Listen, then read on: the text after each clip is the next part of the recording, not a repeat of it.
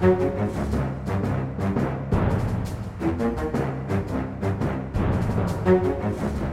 må bare spise opp. Jeg er straks ferdig.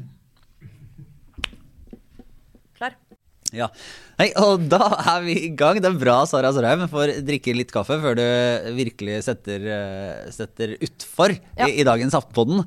Det er eh, alle på plass i godt humør etter åpningsdagen i Oslo i går. Eh, resten av landet får bare akseptere at vi er veldig veldig fornøyd med det. Og så tenker vi, tenker vi på de som er ute i andre steder med mye smitte og har all mulig omsorg. Ta en skål for dem. Ja, det skal vi Tenker skal og tenker. Ja. Altså, for å si det sånn, det var ganske mange glad folk ute på, på byen i Oslo i går. Men de har jo lagt på en sånn eh, innetid klokken ti, da. Eh, og det tror jeg egentlig er ganske fornuftig. Altså, ikke sånn smittevernsmessig. Kanskje vi skal beholde den? Du trenger litt tilvenning. Jeg gikk gjennom byen i går sånn mellom 10 og 11, eh, og det var jo sånn som det i gamle dager var mellom, altså, sånn mellom 2 og 3, sant? Eh, Ja, ja. Taxikøtimen. Men at den er sånn før klokken 11 er jo egentlig helt supert. Si Da For måtte vi hjem. sånn småbarnsforeldremessig så var det ut å spise eh, hjem da eh, klokka ti. Ja. Alt helt på stell. Da er alt greit. Hvordan var det med deg, Trine? Var du ute og feiret livet? Ja, jeg satt nå i videomøte med jobben til halv seks. Og så satt jeg hjemme og så på Mac-en faktisk hele resten av kvelden òg, så det var en sånn kveld. Heldigvis så regnet det, da. Men eh, det jeg fikk med meg, var eh, masse Facebook-meldinger fra eh, venner andre steder i landet som la jo sånn Å, endelig, mine venner i Oslo, endelig åpner det opp for dere. Så det er masse folk der ute som har masse sympati med eh, dere, da, som var ute i går og koste dere. Og det har selvfølgelig jeg òg. Jeg gleder meg uvettig til det er min tur. Jeg ser sympatien renner av deg. Drypper av meg her jeg sitter. Ja. Og Kjetil, du, eh, var du, du var ikke ute og spiste i går, men du har jo booka opp altså Det, det, er- det fins ikke en eh, ledig time som ikke eh, er med på å styrke det lokale det er jo ikke lett å få bord nå. Det er ikke lett, altså. Det er, det er, og, og, men jeg har booka restaurant på fredag og lørdag og skal på kino på søndag og har bestilt teaterbillett.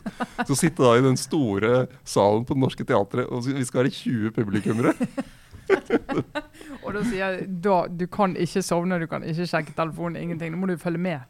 Men det var et sånt øyeblikk i går. Altså det å kunne gå eh, bort på en vinbar, ta seg litt skinke fra Spania, et lite glass chardonnay, og bare kose seg litt. Sånn, og kjenne at dette er sivilisasjon. Det var i seg selv en sånn, det var en indre jubel som var helt um- umulig å styre. Men jeg satt må få lov å minne, minne mange lyttere på at det er en oktober sist vi gjorde dette. ja, altså det er faktisk det. Så det er ja.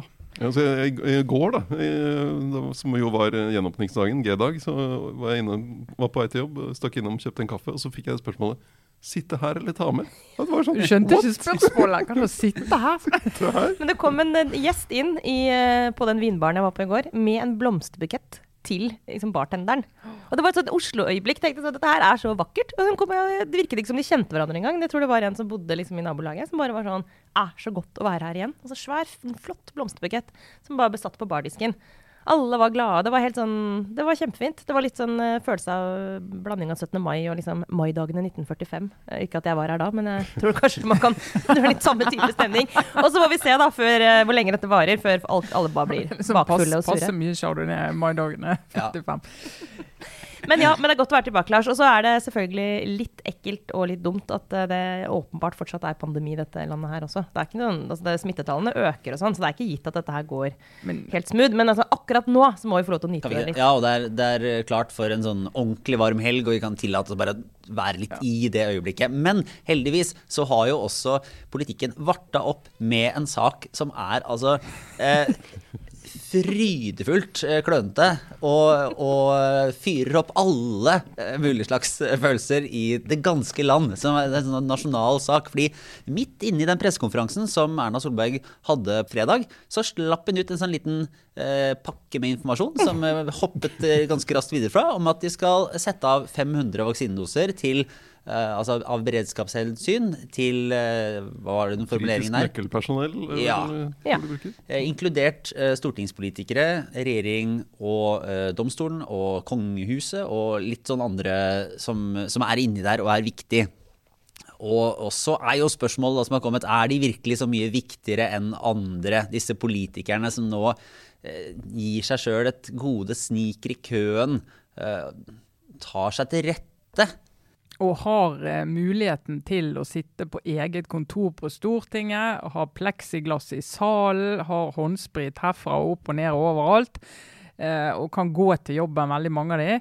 Eh, de pendler jo og bor i leiligheter i Oslo, og hvor farlig er det egentlig for de å vente på den vaksinen? Ja, så kan vi legge til også at de som virkelig er i risikogruppen blant denne gruppen mennesker som nå får vaksine, de har jo etter all sannsynlighet fått den vaksinen for lengst. Så vi snakker også sannsynligvis om en gruppe mennesker som ikke er i utgangspunktet spesielt utsatt om de skulle bli smitta.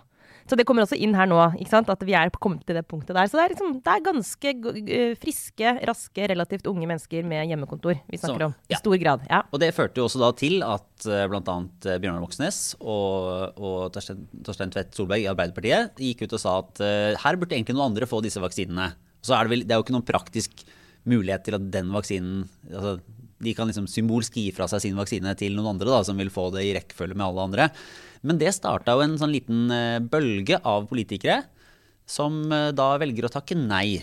Og man har hatt eh, journalistikk sånn eh, nærmest minutt for minutt. Hvilke politikere takker ja, hvem takker nei til eh, vaksinen som, eh, som da oppfattes av noen eller som, et slags, som, en, som en sniking i køen. Og da er spørsmålet er dette en sånn klassisk, et klassisk eksempel på at politikerne setter seg selv foran andre og bevilger seg noe som de ikke tilgodeser resten av landet med. Det er jo et uh, sjeldent eksempel på at uh, politikerne, ja, her i form av regjeringen, og det kommer vi tilbake til, i hvert fall deler av regjeringen, mener at uh, politikerne er en del av styringen og beredskapen i Norge. De må være oppe og gå, de må fungere, kunne ta beslutninger. Ikke bare når det er pandemi, men hvis det kommer andre kriser i landet òg.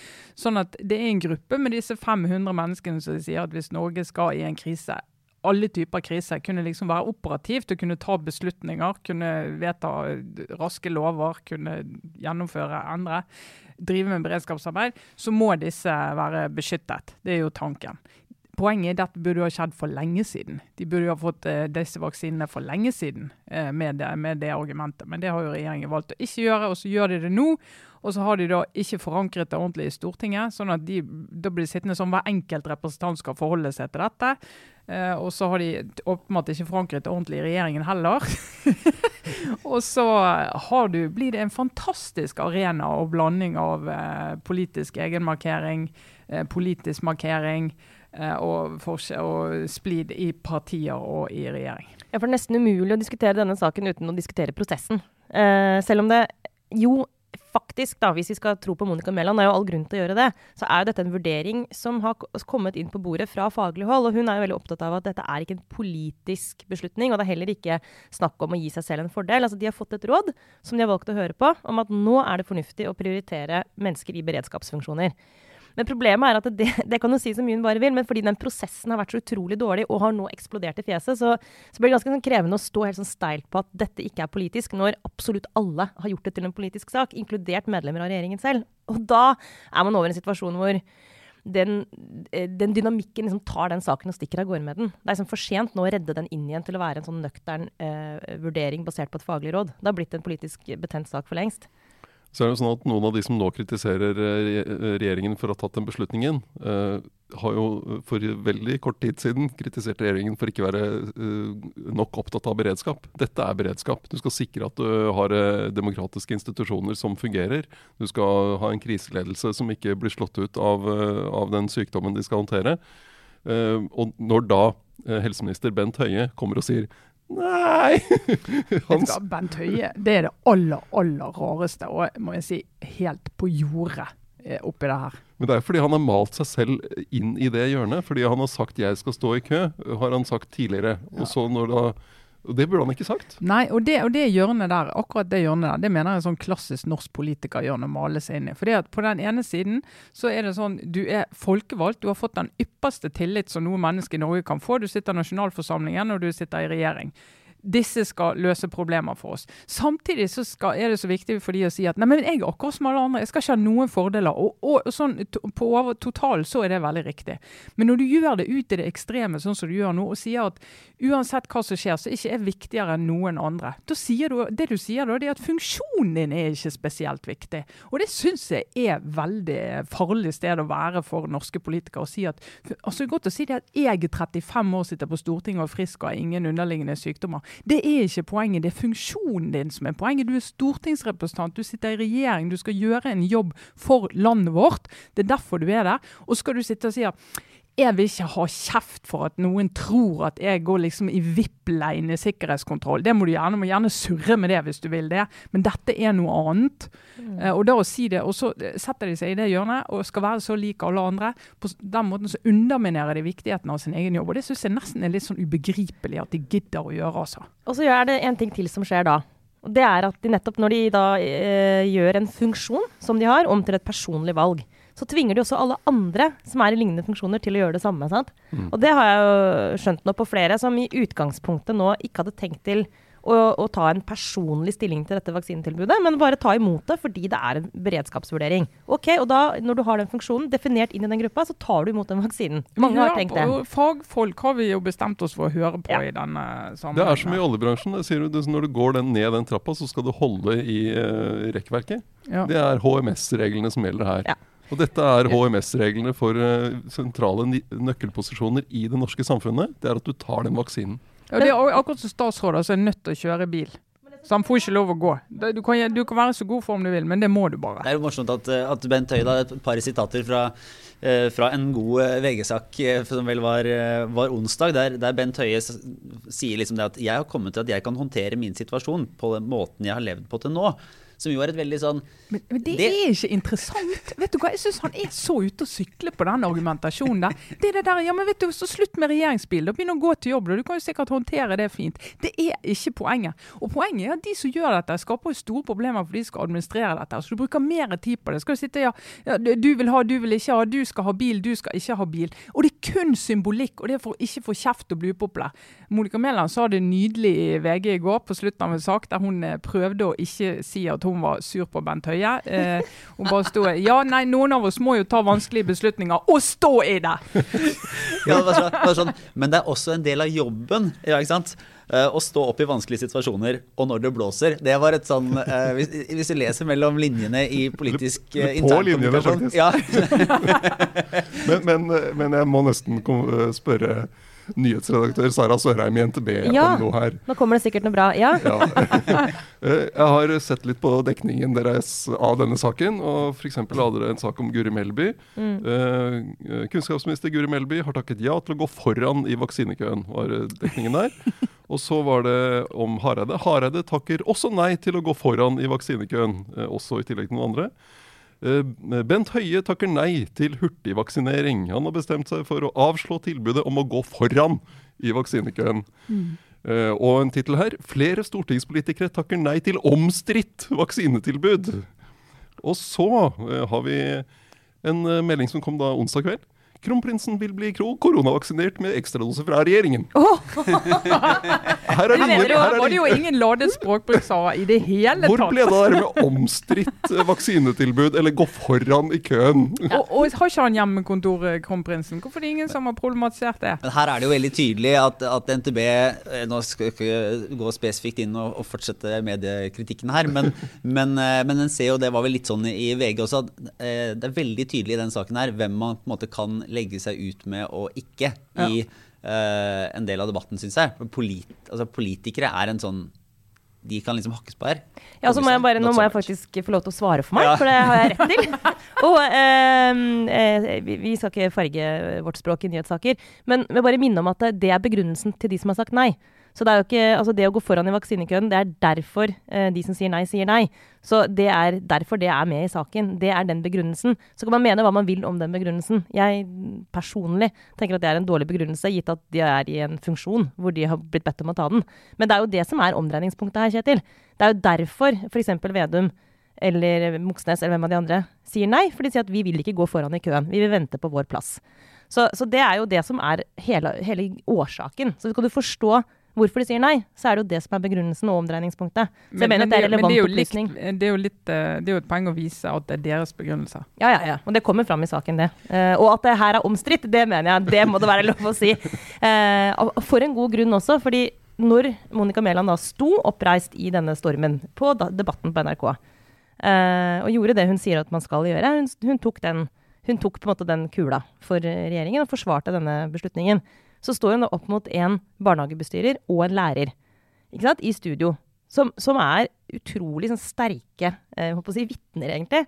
Og beskriver sin hverdag uten noen form for beskyttelse annet enn antibac og et munnbind her og der, eh, hvor de er i risiko eh, eller utsetter seg for risiko og har gjort det i et år. Og det er klart at Når da hun utrolig flotte barnehagebestyreren spør Monica Mæland hvorfor mener du at du fortjener denne vaksinen mer enn meg, det er ikke det noe kult eh, spørsmål å få. Og hun har ikke et veldig godt svar på en sånn emosjonell skala. Nei, svar. ikke, ikke hvis det handler om person Monica Mæland. Da har jo ikke hun noe godt svar Nei, nei. på det. Men hun, hun, står, hun forsvarer det jo saklig ut fra den vurderingen som er gjort. Men altså sånn, skal vi tenke sånn mediedynamikkmessig, så taper hun den saken så det synger. sant? Ja, og, og her er det jo altså Jeg, jeg mener det er no-brainer at disse skal få disse vaksinene. For det, det, det ligger i det rådet. Men, men det som jo er helt katastrofe, det er jo Bent Høie har lagt opp til at regjeringen skulle tryne i den saken, og han begynte med at han skal uansett stå i køen. For i vinter så skulle jo regjeringen si at vi er en del av kriseledelsen, en del av beredskapsledelsen. Det er også Stortinget i denne situasjonen her. Ikke bare i denne krisen, men i alle andre kriser. Da må vi følge de rådene som de som passer på beredskapen i Norge sier at vi skal følge. Så hvis de sier at vi skal ta vaksine, så tar vi vaksine. Vi står ikke og tar personlige vurderinger av det. Og det er jo der de har rotet seg så helt inn i hampen borti det. Men det som er så helt rart, det er jo at Erna Solberg står og sier dette på pressekonferansen og åpenbart tror at det ikke er kontroversielt. Det er jo klart det blir kontroversielt, og det tar liksom litt for lang tid før de greier å si at dette er 0,25% av de vaksinedosene som skal settes denne uken her. Sant? Det er omtrent ingen. Men, er, men jeg synes det er veldig interessant å se dynamikken i den saken. Altså Først så kommer den beslutningen. Den liksom eh, nevnes litt en passant på pressekonferansen. Og så går jo da noen og graver litt mer i det, eller, eller du får noen som kom, selger inn et utspill, eller hva vet jeg. Og når da no, de to første, som var Torstein Tvedt Solberg og Bjørnar Moxnes, sier at eh, nei, vi skal ikke ha den, og noen andre bør få den, så blir det nesten umulig for andre, eller i hvert fall veldig vanskelig for de andre. Alle, hver eneste, da må ta stilling til den. Og du, du så det på Trygve Slagsvold Vedum. Han er jo eh, en som kjapt kan ta en sånn sak. Men eh, Senterpartiet lå jo litt bak her og var ikke sånn veldig frempå. Og til slutt sa han 'jeg vil ikke ta den', og så viste han til den begrunnelsen som Eller der kritikken fra 125 kommuneoverleger. Eh, men problemet når han viser til det, så setter han folk i eget parti som har takket ja, bl.a. parlamentarisk leder Marit Arnstad, i en ganske vanskelig posisjon. For, de sier at, for han sier at 'jeg lytter til kommuneoverlegene'. Og så sier han 'men alle må ta sitt eget valg'. Eh, nei, det, det, Nei, og det er Arbeiderpartiet, og det har jo VG dekket uh, forbilledlig. Hvordan de på et gruppemøte så får jo de en diskusjon. Sant? Vi er midt i denne uken, så får de en diskusjon om ja, men har ikke partiet en linje her? Altså Er det helt sånn i dette en sak der liksom alle skal få lov å komme med enkeltutspill, og så sette de andre i en vanskelig situasjon? sant? Og det er tilbake til også det med når du gjør det til et personlig valg, som jeg er inne på i stad. Så jeg vet at det har vært høy frustrasjon blant mange på at da har, øh, sånn som i regjeringen, så har de blitt tvunget til å gå ut og si enten ja eller nei. Og det er en catch 22-situasjon. Det er ja, den klassiske 'damn if you do, damn if you don't'. Uh, så må du velge da, på en måte om du skal holde på den prinsipielle linja og slutte rekkene og nettopp vise til beredskap, eller om du skal det jeg, gjøre det jeg syns ser ut som å score et billig politisk poeng på å skulle liksom stå frem og være solidarisk. Og apropos prosess, at ikke det ble forutsett. Altså at, at ingen i det apparatet sånn som vi liker å si i pressen, disse dyrt betalte rådgiverne. Altså, hva gjør de på jobben? Liksom? Hadde de pinseferie, pussa pinsestaka si og drev med pinseting og sånn? Er Eller det er helt hjelpeløst. Ja, fordi når dette først begynte å rulle Det minste de kunne gjort, var å bare altså Erna gjort som sjef, var å bare gi en beskjed til alle i regjeringen. i hvert fall. Nå slutter vi rekkene. Sant? At ikke det har gått ut et eller annet sånn, at ikke det har vært en samtale. At, at, hun har, som at, at Linda Hofstad Helleland bare kunne svare helt sånn Nei, jeg har ikke tenkt å ta vaksine. Det skulle hun aldri ha fått Ja, muligheten og til å at gjøre. noen i regjeringen skal blå, eh, eh, altså, Noen kan si nei, nei, jeg eh, velger å ikke snike i køen. Ja. Ja. Det går ikke an. Altså, Du da vet, må du ta grep. det går ikke, det. Nei. Det går ikke, det. Nei, vet, men vet du hva, den håndteringen, nå, la oss bare få si det. Altså, jeg, jeg, husker vi en gang, jeg var, jeg var i et avishus, og så skulle vi bygge et nytt avishus, og alle skulle flytte. Og det siste året så visste jo alle at vi skulle flytte. eh, parallell regjering på vei ut av kontorene. Eh, og det som skjedde da, var at Hver gang et bilde liksom eh, ble hengende på skrått på veggen, var det ingen som rettet opp. Eh, når listen ramlet ned, så ble han bare liggende på gulvet. Altså, du, du begynner å bli slappere og slappere å følge opp dette huset. da, fordi at du skal jo flytte snart allikevel. Den følelsen har litt med regjeringen akkurat i disse dager. Det er litt sånn Nei, vi skal jo flytte likevel. Så prosessen Jeg går nå på pressekonferanse, og så sier jeg det. Så får de nå bare De får nå tenne på huset. Jeg flytter. Men det virker helt sånn det virker bare helt, Fra å ha vært liksom hatt så kontroll så lenge, så virker det som det virkelig det, det liksom glir litt ut mellom fingrene på, på eh, regjeringen akkurat nå. Men siste, siste poeng der er bare fordi eh, opposisjonen Uh, og det har jo også vært da helt splitta og, og spredt. Og, og Audun Lysbakken, som, som, gjennom hele vinteren har vært sånn Stortinget er en viktig del av kriseberedskapen og skal være med i viktige beslutninger og allting. er sånn Nei, men trenger ikke noe vaksine. Det er ikke så farlig. Vi, vi ordner det sikkert. Det kan komme inn en vara og ta over her. Er det helt sånn eh, naturlig opposisjonsvirksomhet å utnytte det som åpenbart har vært en dårlig gjennomført strategi eller dårlig gjennomført plan fra regjeringen, og på en måte bare rive den i filler? Eller er det, altså, er det, er det feil gjort å, å, å, utnytte den situasjonen? Altså, Sett fra opposisjonens side, da, hvis jeg var et uh, opposisjonsparti, så ville jeg, ville vært lyn forbanna på regjeringen for at ikke hadde fått sjanse til å vurdere og diskutere og planlegge hvordan jeg skulle håndtere det. sant? Uh, og det har de jo egentlig ikke fått, selv om du kan si at de burde jo vite det at de sto på den listen som skulle få vaksine av sånn beredskapshensyn. Uh, men det er klart for opposisjonen, i og med at dette ble så hodeløst, så har jo ikke partiene tatt noe stilling til det sånn prinsipielt. Og da får du ikke noe sånn partipolitisk gevinst for det du sier. Jeg personlig vil ikke snike i køen. Eh, men alle mine partivenner som eh, vil snike i køen, det er greit. Jeg skal ikke dømme de. At, og det er jo ingen partier her som liksom De færreste, kanskje Rødt, da, som står der og er sånn ren og rank og sier vi, Og de har jo bare én mann. De sier liksom Vi tar ikke det, og kan gå ut og bruke det politisk etterpå. Kan lage plakater inn i valgkampen og si 'jeg snek ikke i vaksinekøen', kan de jo si da. Mens de andre kan jo ikke det. sant? Så den politiske gevinsten er jo sånn Altså, eh, politikken er jo å banke regjeringen for at de ikke har fått mulighet til å forberede seg, pluss denne elendige håndteringen av både regjering og, og storting. Men det hadde jo gått an å kritisere denne beslutningen eh, på en annen måte. Altså, helt uten å gjøre det til et personlig valg. Det hadde gått an å si at nå har jeg fått den beskjeden, jeg forholder meg til den. Men det hadde fint gått an å problematisere hva er beslutningsgrunnlaget. Eh, nå så jeg at Mæland har vært litt sånn på at det vil de ikke offentliggjøre, men det mener jeg er et relevant spørsmål. Og ikke minst hvorfor. Altså grave litt mer i hvorfor kommer det nå. Og det, det, mener jeg er helt sånn relevant eh, kritikk av den beslutningen. Altså Ikke at den blir tatt, men at den blir tatt nå. Eh, og det hadde helt fint gått an å ha en ganske spiss diskusjon om det fra opposisjonen. Ja, eh, men likevel forholde seg til det på en måte som, som, er at i den funksjonen jeg har, så tar jeg imot denne beskjeden når den kommer. Absolutt. Og respektere det, men likevel kritisere prosessen. Det hadde gått helt fint. Men da hadde man ikke fått et så billig politisk poeng å score. Men det ville kanskje liksom vært den edle måten å gå inn i dette på, da. Det har mange valgt å ikke gjøre. Ja. Ja, men Da tror jeg vi går videre til en, eh, til en annen sak, eh, egentlig. For for skal sies å være, det er ikke første gang det har kommet opp, men, men i etterkant av at Harald Klungtveit, redaktør i Filter Nyheter, la ut en haug med sånne screenshots fra, fra en gruppe som, som hetsa byråd Lan Marie Berg. Masse, altså Noe som måte er bare utrolig ufint. Noe som vel må nærme seg lovstridig. Men spørsmålet har egentlig vært Det har jo satt igjen på måte, fingeren på det som har vært en sånn gjennomgående voldsom hets og trakassering av måte, folk i politikken, men også særlig henne, som har ført til at bl.a. Uh, Høyre-nestleder Tina Bru gikk ut og, og, sa at nå får det faen meg være nok. og på en måte uh, trøkka til. Midt under Eurovision-finalen. Midt under Eurovision-finalen, så, så, var uh, ute og sa fra. Og, og andre har jo stemt i med dette. og snakker, det er jo litt sånn van, jeg synes det er litt sånn vanskelig debatt å ta videre på et vis. fordi man står jo i det spørsmålet altså det store spørsmålet, Hva kan man gjøre? Ja, en gang i året har vi ja. den debatten, og så blir det jo ikke bedre, det blir jo verre. Ja. Men det som er interessant der, Lars, er jo den nummenheten som eh, denne situasjonen liksom skaper hos mange av oss.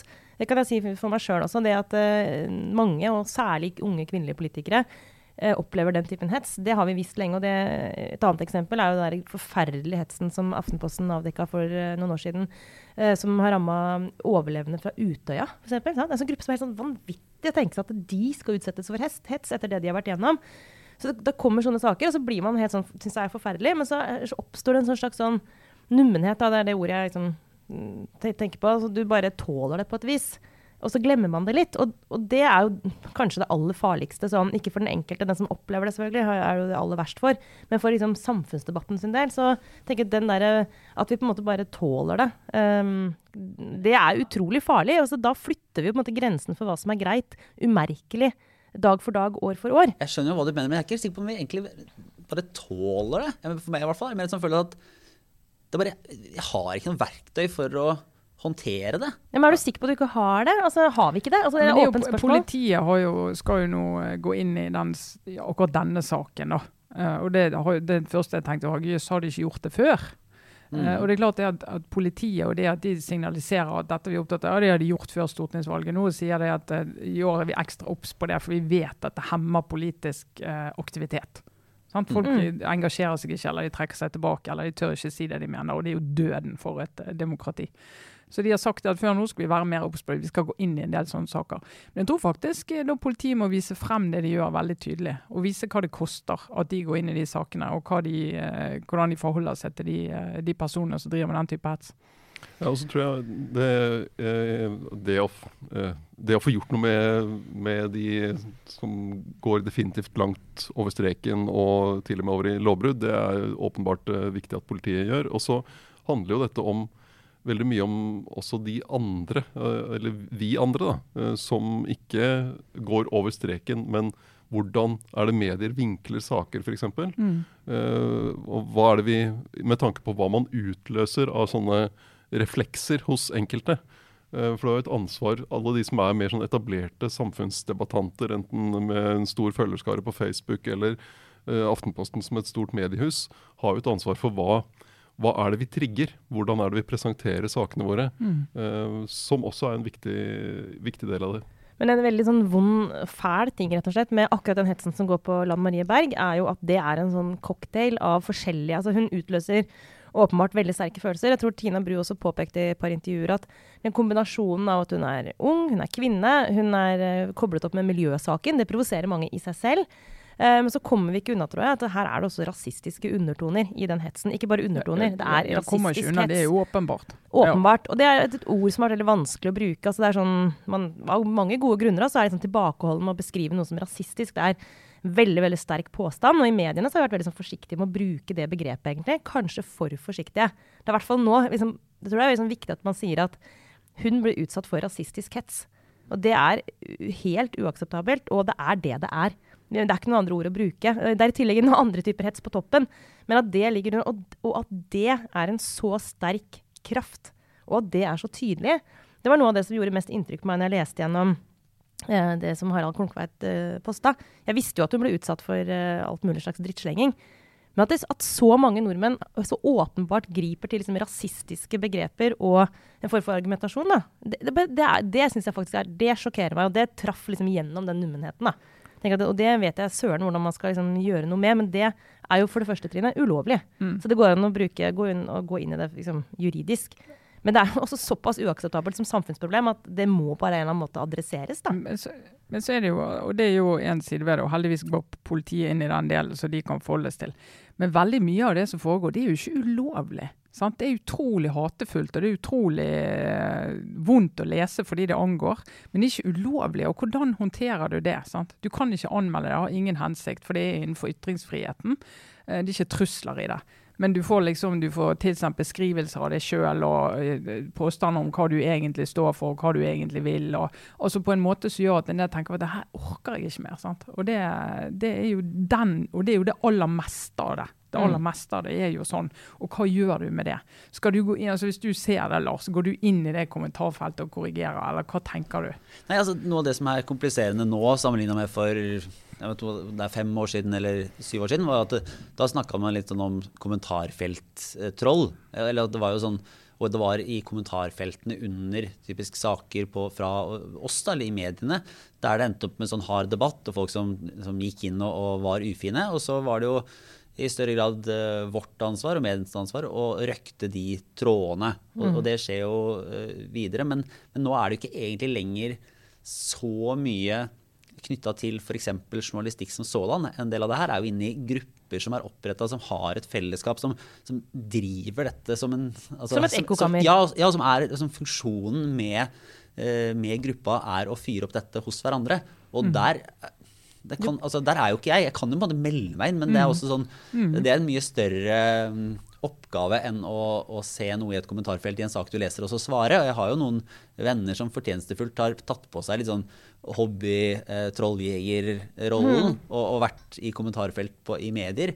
Men å skulle gå inn i en sånn gruppe som i praksis er, som drives av det der eh, hatet der, det, det er jo vanskelig å forvente, og det er vanskelig å finne. Fordi de prøver jo egentlig ikke å nå ut til meg. De prøver jo å fyre hverandre opp og sitte og ha et fellesskap. Du kan jo si at Det stiller jo den beslutningen i et litt annet lys. Da. Altså beslutningen om å kutte kommentarfeltet. Veldig mange medier har gjort det. Fordi at det ble et sted for hets og drittslenging, og det ble umulig å moderere. Og mange medier kunne ikke forsvare å ha det som et haleheng på sin journalistikk. Så det er jo mange år siden at du begynte å stenge kommentarfeltene på saker blant annet som, hvor, hvor, eh, altså, hvor det, som handlet om ting som utløser den typen drittslenging. Da.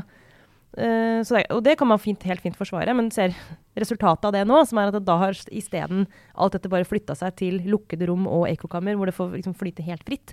Det er jo ikke noe bedre, det. Det er jo ingen som har kontroll på det. Så vet jeg ikke om det hadde vært mulig å Det hadde nok kommet uansett. Ja, sannsynligvis hadde det det. Men uh, Du har i fjernet én hetsarena, da, kan du jo si. ja. Problemet Lars, er jo at ingen snakker sammen. ikke sant? Sånn det er, ingen som hører på Aftenpodden, er, er sannsynligvis i det kommentarfeltet i den gruppa og skriver eh, rasistiske og hatefulle ytringer om Lan Marie Berg. det, det håper jeg virkelig ikke. Da, da vil jeg si at du har et sånn merkelig sånn Venn-diagram, der du er eh, fast, fast lytter. Eh, og det, altså, for all del, jeg kan jo, det er ikke det at alle er helt uh, Ja, Men det må jeg si, våre Ja. lyttere de kan bli rasende forbanna på oss, men det er jo ikke hets. Nei. Det er Nei, nei. kritikk, det er kritikk, og det syns jeg er- det er ryddig opplegg. Kom igjen, kjør på, men det er ikke hets, og det er noe annet. Men eh, nærmest på, på, med det så går vi videre til det som er en liksom politisk sak, som, som Berg jo er involvert i nå, som også er vanskelig, og som potensielt kan få liksom utviske noen av eh, liksom vanskelig landskap. For hun er jo da som byråd ansvarlig for, for bl.a. den store nye utbyggingen av en reservevannforsyning til Oslo. Eh, Det er jo ikke det som har fått mest oppmerksomhet, eh, verken eh, altså før nå egentlig, og, det har vært en, eh, kanskje en unnlatelsessynd politisk i mange år, men det er jo da den enkelt, det som dyreste enkeltprosjektet i det offentlige Norge eller noe sånt. Det skal legge vann fra nederst i Tyrifjorden i eh, rør inn til Oslo, sånn at Oslo ikke lenger er helt avhengig av Maridalsvannet. Beredskap, dette. ja, eh, og eh, i revidert budsjett for Oslo så kom det plutselig fram at det prosjektet ble fem milliarder dyrere enn det man hadde trodd. Ja, ja. Ja. Fort Det, gjort. det er jo noen kroner. Det er noen kroner. Og så er jo da opposisjonens kritikk av Berg er jo at eh, hun ikke har informert tidlig nok. Eh, Og nå skal det bli høring på onsdag som kommer, der man skal gå gjennom dette. Og det er jo foreløpig Jeg tror opposisjonen også er litt sånn Ser litt etter akkurat hvilke knagger de skal henge dette på. Fordi eh, begrunnelsen er at markedet er mye dyrere enn det de trodde. Altså de, de fikk inn anbud på, på arbeidet, og det var eh, betydelig dyrere. Totalramma nå er på 17 milliarder, hvis ikke jeg tar helt feil. Så, så det var jo en, en stor, stor økning. virker som de noe av det ser eh, fra opposisjonens side ser på nå, er om de skal kritisere det. At hun burde sagt fra før at hun fikk den informasjonen på et tidligere tidspunkt og burde delt den med, med bystyret. Uh, det er kanskje den, den, det som er enklest å Sånn kritisere. da. klassisk, klassisk, egentlig. Informasjonsplikten. um, og så er jo spørsmålet om det er noe, noe i håndteringen. Men det, interessante, det er jo veldig interessant at noe av det som kommer frem, er at det offentlige uh, bruker så mye penger på byggeprosjekter, samferdsel og særlig, da, med hvordan samferdselsbudsjettet er doblet under sittende regjering. At det driver opp prisene. Og uh, med takke på Nasjonal transportplan da, så har man jo skrytt av at vi har klart målene, og de har klart målene i pengebruk. men, men ikke i ny vei og ny, uh, nye jernbaneskinner. For det er blitt for dyrt. Nei, og det, men det er jo litt sånn fascinerende, for dette er jo helt siden Carl I. Hagen sa at vi er nødt til å bruke olje, oljefondet. Mye, vi må bruke det løpende, og vi bruker det her og nå, vi må investere nå. Så var jo de andre, de, de tidligere ansvarlige partiene, da, som vi kan kalle det, eh, alle de som får 1000 milliarder i NTP, de får ikke, de fortjener ikke den, eh, den merkelappen lenger. Men de tidligere ansvarlige partiene de sa jo da at nei, det kan vi ikke gjøre med økonomene på sin side. fordi da spruter vi så masse penger inn i økonomien at det blir prisdrivende. Og da kommer bare alle prosjektene til å bli mye dyrere. og Vi, vi, vi, vi har ikke arbeidskraft til alt dette. sant? Eh, Vi må importere masse arbeidskraft fra utlandet, det har vi gjort. Eh, Vi er nødt til å liksom øke lønningene, så alt blir dyrere. Materialet blir dyrere. Sånn er det når det er knapphet på ting. Og så går det noen år, så er det akkurat det som skjer, gitt. Akkurat det som skjer. Når vi renner penger inn fra oljefond oljefondet og statlige eh, prosjekter, så blir det dyrere, da. Og dette vil Fremskrittspartiet gjøre igjen! De syns det funker godt. Ja, fordi nå behandler jo Stortinget Nasjonal transportplan for perioden 2022 til 2033. Regjeringen vil bruke 1200 milliarder kroner. Og Frp høyner og sier vi legger på 400 milliarder kroner, så det blir 1600. Ja, jeg må si, Sett i lys av det, da, hvor det er sånne summer som bare høres ut som uh, tall i barnehagen. Fantasillioner. Ja, så må jeg si at det er også forskjell på prosjekter. Og, og da uh, må jeg bare si at dette prosjektet her, uh, for alle oss som liksom har Maridalen som et turområde Hver gang jeg går forbi Maridalsvannet og tenker sånn dette er Oslos vannforsyning. Ja, Altså- Hiv en ampull med et eller annet giftig oppi Det er altså så lett å forestille seg at du kan, du kan sette ut hele Oslo uh, gjennom å forgifte Maridalsvannet. Uh, enten som en terroraksjon, eller bare som ved at noen bare Oi, shit. Uh, Ja, Mest sannsynlig at noen bare kløner det til på et eller annet vis, Ja, som, så som det- folk gjør med jevne Hvis vi man først skal snakke om dyre samferdselsprosjekter i Norge, så er det ikke det, altså, Bare minne om det er ikke en tunnel fordi folk skal kjøre fortere fra Oslo til Tyrifjorden. Altså, det er en ganske sånn eh, beredskapsmessig lett ting å forsvare at Oslo trenger en drikkevannkilde til. Da Begrunnelsen for prosjektet tror jeg, Ja. den står seg jo. sant? Den er jo ingen som eh, Og det går også an Og de har jo fått tatt egentlig et statlig pålegg om å sørge for at dette skjer. Pluss at du kan også ganske enkelt kritisere tidligere ledelse i Oslo kommune for å ikke ha gjort det. Eh, det, er ikke, det er ikke som at det er nå man har oppdaget at oi shit, eh, drikkevannforsyningen til Oslo er veldig utsatt. Så det, det er liksom litt forskjellig hvordan man angriper dette her. Altså det er klart at det ble veldig mye dyrere enn det var tenkt, og hun sannsynligvis kanskje fortjener kritikk for informasjon osv. Men, men liksom selve begrunnelsen for prosjektet er jo mildt sagt ganske stødig. Men, men det kan jo ja, det, det gjør jo at saken er mer komplisert sånn sett. Ja. Det er ikke sikkert at man kan på en måte, at det er, altså er et sånn ultimat politisk ansvar som, som får konsekvenser for henne. Men det er jo litt sånn Det må jo være et politisk ansvar å gi et noenlunde eh, anslag på hva et sånt prosjekt skal koste uansett. Du kan Ja. ikke ha 40% pålegg på. Det er greit nok hvis du gjør en liten sånn håndverkerjobb hjemme. Foreldrene mine fikk satt inn en sånn dør og en lettvegg. Og det ble nesten dobbelt så dyrt som var lova, men det var fra liksom, 3000 til 6000. Da er det sånn OK, det, det funker. Her er det eh, milliarder som riktignok skal dekkes inn av avgifter til, fra Oslo-folk. Så det er eh, Oslo-boere som kommer til å dekke inn alt dette her. Men, men det, politikerne bør jo, og da tidligst mulig, ha en oversikt over hva det de faktisk har satt i gang, kommer til å koste. Og det er veldig rart at det skal kunne gå Men det er, jo 5 det, milliarder som er over. så, det er jo det som er så rart. og Det så du på den stortingsgarasjen òg. Ja. Hvordan, altså, hvordan følger man opp disse prosjektene? Hvor tett er man på det? Og når, altså det med, når du ser at det er et prosjekt Du vet jo at det er dyrt i markedet. Du vet jo at ting liksom vokser opp og er i ferd med å bli dyre. Det er jo ikke noe som kom i april. Sant? Det, det var jo ikke, Å, der kom den fakturaen! Shit, den var, den var, den var høy! Det er sånn jeg har det. det. Sånn at, du, du må jo, altså, og det er jo et politisk ansvar å sørge for at du liksom da teller Du innkaller uh, bystyret og sier Hør her. Jeg vil si Det aller beste i revidert uh, budsjett fra Oslo var jo likevel at det var jo ikke, dette var jo ikke det eneste som, som ble dyrere. Det var jo også den nye hovedbrannstasjonen på Bryn. uh, Den, den jo bare avlyst. Den ble bare avlyst, og her er det sikkert noen detaljer, men, men altså De fant ut, etter å ha brukt 200, drøyt nesten 230 millioner kroner på å prosjektere og holde på med dette her så La oss si en kvart milliard. La oss si en kvart milliard. Så var tomta tror jeg forstår, var for liten for byggemassen fordi de ikke hadde regna inn eh, Hva heter det? Sånn bruttoareal altså, De hadde ikke regna inn Vegger. og heiser og trapper. heiser og trapper. Men så brannmenn bør jo kunne klatre ut av vinduer og sånn. da. De trenger ikke trapper, de har sånne stenger. Ja. Ja, ja. Men det er opp stangen har jeg alltid lurt på. Funker det? Veldig ja, det er slitsomt. Og ikke minst, eh, vegger kan jo være en fordel for, for alle. eh, på, Åpent landskap. Ja. Ja. Ah. Nei, men Da tror jeg vi går videre inn i en runde obligatorisk refleksjon. Men vi takker av deg, Trine, for du har et viktig sånn ledermøte som du må løpe til, som begynner om ett minutt. Skal jeg anbefale, nå som Oslo har åpna og det er sol ute, at eh, folk setter seg ned og ser en, eh, relativt grå rumensk dokumentar om gravejournalister og helsevesenet? Ja, det skal jo jeg. det. Altså, det er jo lockdown i Hammerfest, blant annet. så- Ja, ikke sant? Jeg har et nasjonalt perspektiv. For de som Hele Norges på Aftenpodden, Ja, det.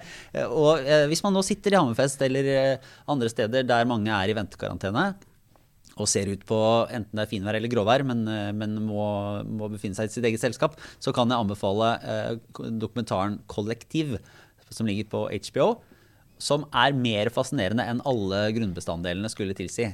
Eh, For det handler da Det er ikke så veldig lystig, det handler om ettervirkningene og hvordan eh, myndighetene i Romania håndterte en nattklubbrann. Nei, Jeg all right!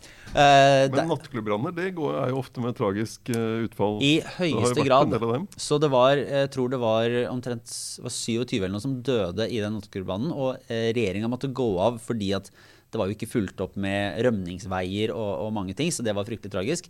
Men så er det jo da, dette er helt i starten av, av dokumentaren, så ser jo en gruppe journalister at det har jo dødd Det har jo omkommet flere enn det i etterkant på sykehus. Eh, fordi at eh, de åpenbart ikke har fått den behandlinga de skal, skal ha fått. Og rumenske myndigheter var veldig sånn, litt stolte og sa vi skal ikke sende offrene, vi trenger ikke å sende ofrene til Tyskland for behandling, vi kan ta hånd om alt sammen her. Ah. Og så viser det seg jo at eh, flere da egentlig har omkommet av, som ikke var alvorlig brannskadet da de ble lagt inn, men som rett og slett har blitt sykere av å være på sykehus. Og så nøster opp på, på ekstremt uh, gode måter. og veldig nå nærhet helt inn i beslutningene som tas både på politisk side og i denne lille gravejournalistiske gruppa, og, og følger opp videre da, og gir et bilde av et land som tross alt ikke er så langt unna, men som har et system som uh, vi kan takke absolutt alt av eh, høyremakter for at vi ikke må forholde oss til sjøl. For det, hvis man ser på pandemihåndtering og alt mulig rart, så er det store, store forskjeller i hva man kan forvente av myndighetene. Hvor, hvorfor heter den Kollektiv? Nei, for det er navnet på den, den nattklubben. Og det er én dokumentar, eller er det sånn serie? Det er én dokumentar, som er en, eh, en time og 40 minutter eller noe sånt. Du klarte faktisk nesten å selge den inn, Lars. Eller nest, jeg tror kanskje jeg kommer til å se den på en regnværsdag i Jeg november. kansellerer den der restaurant... eh, Ja, og til, uh, den er ikke sånn uh, Den er ikke så trist som man kunne uh, kanskje få inntrykk av med, med det utgangspunktet. Så Kollektiv på HBO, veldig bra. Bare holde seg inne og se. Men du hadde, et, jo, nei, du hadde et stikkord der, pandemihåndtering. Det er jo det jeg er opptatt Altså, jeg er fortsatt sånn at jeg bruker ufattelig mye tid eh, på diverse sånn pandemiting. Og jeg er jo en av de mange som har brukt mye tid også på å lese artikler i f.eks. medisinske tidsskrifter som helt åpenbart går over hodet mitt. Sånne lange artikler i Nature og bare prøve å finne sånn rundt vaksine og virusutvikling og ja. Jeg forstår sannsynligvis ganske lite. Men denne uka her så, eh, så har det jo kommet en sånn omdreining eh, i hele det egentlig utrolig spennende feltet hvor eh, kommer viruset fra? Altså Ja. hvor oppsto eh, koronaviruset? Og jeg skal ikke nå plage lytterne med å liksom, på mitt vis forsøke å gjenfortelle nå liksom, det mest sånn spiss forskning på eh, virusopprinnelser. Men det er også en side ved dette her som både er politisk, og som er dødsinteressant også for oss journalister, som handler om eh, kildekritikk. Og for å gjøre det en veldig komplisert sak eh, kort, eller forhåpentligvis enkel, så handler jo eh, dette om hvor oppsto det koronaviruset som nå har blitt i pandemien. Eh, og det er to teorier der. Det er en anerkjent teori, og så er det en ganske omstridt teori. Unnskyld, ja. En var jo sånn derre eh, wet market, eh, pangolin, uh, flaggermus uh, Noen som hadde Ja, her har, legger de all slags eksotisk eh, si, matdyr eh, sammen, og så Ja. oppstår det et virus som smitter, og så eh, går det ut i befolkningen. Det er den ene. Det er den ene, og det er den, eh, den eh, etablerte teorien. Som er at, Ja. Og det man vet, er at koronaviruset eh, dette her, eh, Det finnes jo mange koronaviruser. Eh, dette som nå, altså SARS-CoV-2 eller hva det er for noe, uh, det kommer fra uh, flaggermus i utgangspunktet. Så fin, befinner seg i jungelen. Det er veldig lite flaggermus i Wuhan, hvor dette ble oppdaget. Ingen. Men det er et sånt marked, dyremarked i Wuhan, så teorien har vært at eh, flaggermusene har smitta noen dyr som har blitt tatt med inn til markedet, som har smitta noen mennesker. Eh, og på en måte naturens uheldige gang. Når Ja. du skal ha pangolinstuing til søndagsmiddagen. Ja, ikke sant. Ja. Eh, problemet eh, med den teorien er at eh, så langt så er det ingen forskere eller ingen som har klart å finne denne kilden, denne verten. The missing pangolin link. Ja. The missing pangolin link. Eh, det betyr ikke at ikke den fins, men den er ikke blitt oppdaget. Eh, så det er ikke sånn at den, det er fortsatt kun en teori. Og WHO har jo vært der nede med et team. De sleit med å få tilgang, eh, vel å merke, eh, til, til egentlig data på når ble første smittetilfellene egentlig oppdaget i Wuhan osv. Men, men eh, de lagde en rapport, og der sier de at det mest sannsynlige er denne teorien. Men så er det en annen teori, og den handler om det laboratoriet i Wuhan. Og nå er vi over i det som virker som en sånn, ikke, ikke dokumentar på HBO, men en crazy spillefilm på HBO. Ja, og den type teori som tidligere har vært sett på som en konspirasjonsteori. Ja. Eh, og det er her det begynner å bli veldig interessant, i hvert fall for oss eh, pressefolk. Da, fordi eh, den teorien handler om at det laboratoriet i Wuhan, som forsker på koronavirus eh, At det umulig kan være en tilfeldighet at eh, en pandemi basert på et eh, koronavirus oppsto i den byen hvor det laboratoriet ligger. Der henter de inn koronaviruser fra jungelen og forsker på det. Eh, og så har eh, kinesiske myndigheter avvist totalt at det har vært en, sikkerhetsleka eller altså en lekkasje fra det laboratoriet, og har bare konstatert at det laboratoriet har ingenting med denne smitten å gjøre. Men det er klart, det er jo litt rart at koronapandemien oppstår i Wuhan, det eneste stedet i verden hvor du har et laboratorium som forsker på koronavirus. Men, og nå kommer jeg til, kanskje til poenget her, da. Greia er at fra særlig eh, miljøet rundt Donald Trump, hvis du ser på den amerikanske debatten om koronaviruset, som konsekvent kalte det for the China-virus, og som jo slang seg på veldig veldig tidlig, nettopp denne teorien her, og helt uten dekning, helt uten å kunne dokumentere det, har jo påstått helt fra starten av at dette er noe kinesiske myndigheter i hvert fall må ta skylda for. Og da hele tiden ligget under at og det er sikkert noe de har funnet på i et laboratorium. Sant? Og dette har blitt omfavnet av en rekke mennesker eh, som tilhører miljøer som sånne som oss ikke hører på. Konspi-gjengen. Ja. Mm. Wacko-folk ute på langt på høyresiden, sant? Eh, eller venstresiden, for den saks skyld, der de møtes i en vakker hestesko. Men poenget er at det, har vært feil folk som har snakket om denne teorien. Ja, fordi at tidligere så en kan jo huske at Donald Trump snakka om dette her, og Mike Pompeo eh, som utenriksminister.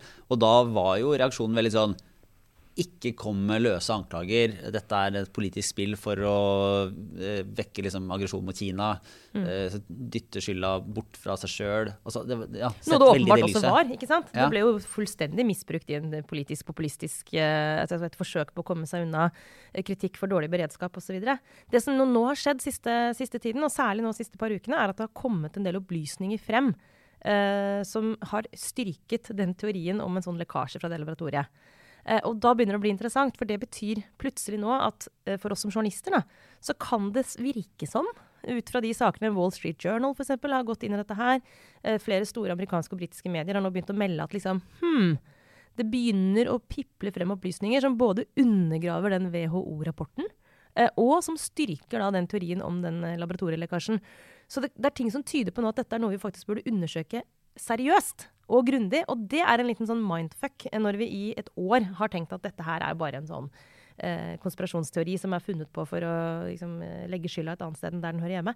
Det er superinteressant. Og tenk om det faktisk er riktig at det lakk fra det laboratoriet. Det det Ja, setter jo hele greia i et nytt lys. Ja, og og Joe Biden var jo ute og sa at uh, han, liksom, han hadde med en gang han overtok uh, embetet, satt ned en, liksom, bedt en gruppe finne ut av dette her. Og eh, liksom, konkluderte med at det var umulig å konkludere. At det var, liksom, det var ting som talte for begge historier. Men det var ingenting som gjorde at den ene var veldig mye mer sannsynlig enn den andre. Og hadde nå gitt, har nå gitt liksom, sine miljøer 90 dager eller noe sånt, Ja. på å finne ut hva som er eh, løsningen. lekket, yes, det ble lekket en, eh, en eh, etterretningsrapport til Wall Street Journal, eller de fikk tak i det i forrige uke. Den vet ikke jeg om er altså Om den er 100 eh, som kilde eller ikke, det kan jeg ikke svare for. Men de, som jo er en veldig seriøs avis, meldte i hvert fall at en amerikansk etterretning- etterretningsrapport eh, beskriver at det var tre tror jeg, i hvert fall, ansatte på Wuhan-laboratoriet som ble innlagt på sykehus med covid-19-lignende symptomer i november-desember 2019. Det er ikke bekre bekrefta opplysninger, og det er også avvist av kinesiske myndigheter. Men eh, det er klart at når det kommer på bordet, når det blir kjent at det finnes etterretningsrapporter som inneholder disse opplysningene her, da er det i hvert fall eh, interessant å gå inn i det da, og se kan det virkelig stemme. Det er, og det er reelt spennende også. Altså, vi får ikke gjort noe med at pandemien skjedde. og Den fortsetter å skje, og det er veldig mange millioner mennesker som har blitt syke og dødd. Men det er klart at hvis dette er delvis menneskeskapt en menneskeskapt situasjon, så er vi over i en helt helt ny type diskusjon. Og så må jeg bare legge til da, at det er ingen seriøse aktører så langt som jeg har lest, som tror at, eh, at det er gjort med vilje. Sant? Nei, ikke sant? Det er en ulykke eller en, en Ja. annen form for Og, et og uhell. klart at Hvis kineserne virkelig ville smitte hele verden, så ville det kanskje dumt å begynne med sitt eget land. Så den, men, men at det er et uhell, men at det, har vært, eh, at det dekkes over. Fordi at det vil selvfølgelig Kinesiske myndigheter har alt å vinne på å dekke over. Eh, hvis det stemmer at dette faktisk er et uhell fra laboratoriet, så vil jo de selvfølgelig gjøre alt de kan for å hindre at det kommer ut. Men Det er det som er vanskelig oppi der, at uh, kinesiske myndigheter ikke har vært villige til å liksom, åpne opp helt. Heller ikke for den uh, ekspertgruppa fra Verdens helseorganisasjon. Og det, det gjør jo at du, du ikke får helt tillit til, uh, til det, de informasjonene de deler. Og, og så skjer dette samtidig i en situasjon der, der spenningen, konfliktnivået mellom USA og Kina er, er, er blitt høyere som gjør at, eh, eh, at kineserne lett vil da så tvil om eh, Eller bare avvise det som måtte komme fra amerikansk etterretning. og sånn. Så det, men det er, jeg mener jo det er jo kjempeviktig å få svar på det. Jeg kan jo legge ut på nettsiden vår da, som mitt tips da, eh, fra denne uka. eh, Noen saker, noen eksempler på liksom, seriøs journalistikk som har gått inn i dette her nå, og ser på den problemstillingen. Eh, forsøksvis uten på en måte de brillene som vi har hatt på hele tiden. da.